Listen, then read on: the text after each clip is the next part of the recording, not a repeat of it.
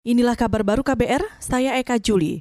Saudara pemerintah menyatakan program vaksinasi COVID-19 dan Undang-Undang Cipta Kerja bakal menjadi penggerak ekonomi Indonesia pada tahun depan. Menteri Koordinator Bidang Perekonomian Airlangga Hartarto mengatakan dua hal itu diyakini akan meningkatkan kepercayaan publik serta mampu menciptakan lapangan kerja.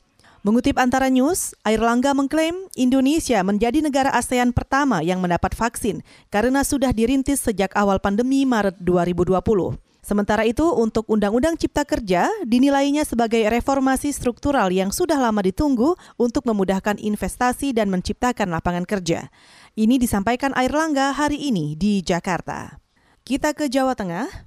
Ketua DPC PDI Perjuangan Solo, Hadi Rudiatmo, bakal memberi sanksi pendukung pasangan calon wali kota Gibran Teguh yang melakukan konvoi kemenangan. Selengkapnya disampaikan kontributor KBR Yuda Satriawan. Ketua DPC PDI Perjuangan Solo Hadi Rudiatmo melarang para kader dan simpatisan partai hingga relawan pasangan calon Gibran Teguh melakukan konvoi kemenangan. Menurut Rudi, sanksi atau hukuman akan diterapkan untuk pelanggar instruksi tersebut. Tidak ada yang konvoi kendaraan ketika sudah tahu kemenangan.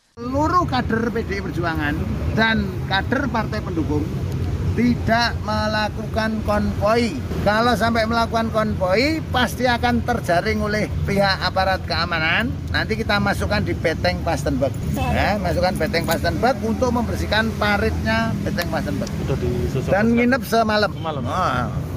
Sebagaimana diketahui, sejumlah lembaga hitung cepat menunjukkan pasangan calon dari PDI Perjuangan dan parpol pendukung yang mengusung putra Presiden Jokowi Gibran Raka Buming Raka dengan Teguh Prakosa unggul telak perolehan 86 persen, sedangkan rivalnya dari jalur perseorang atau independen Bagio Suparjo di kisaran 8 hingga 10 persen. Di TPS 22 Manan Solo, tempat keluarga putra Presiden Jokowi Gibran berserta istri dan Kaisang Pangarep memperoleh suara unggul 171 suara. Rivalnya hanya 24 suara dan 13 suara tidak sah dari total DPT di TPS itu 314 pemilih.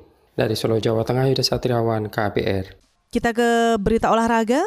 Pebulu tangkis Jepang Kento Momota bakal kembali berkompetisi setelah pulih dari cedera akibat kecelakaan mobil setahun lalu. Ini disampaikan pebulu tangkis nomor satu dunia itu Rabu kemarin.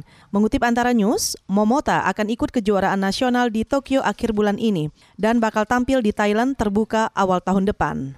Pada Januari 2020, Momota mengalami kecelakaan mobil dan bakal tampil di Thailand terbuka awal tahun depan. Pada Januari 2020, Momota mengalami kecelakaan mobil saat menuju Bandara Kuala Lumpur, Malaysia. Kecelakaan terjadi setelah ia memenangi ajang Malaysia Masters Proses pemulihan hampir satu tahun. Saudara, demikian kabar baru. Saya Eka Juli.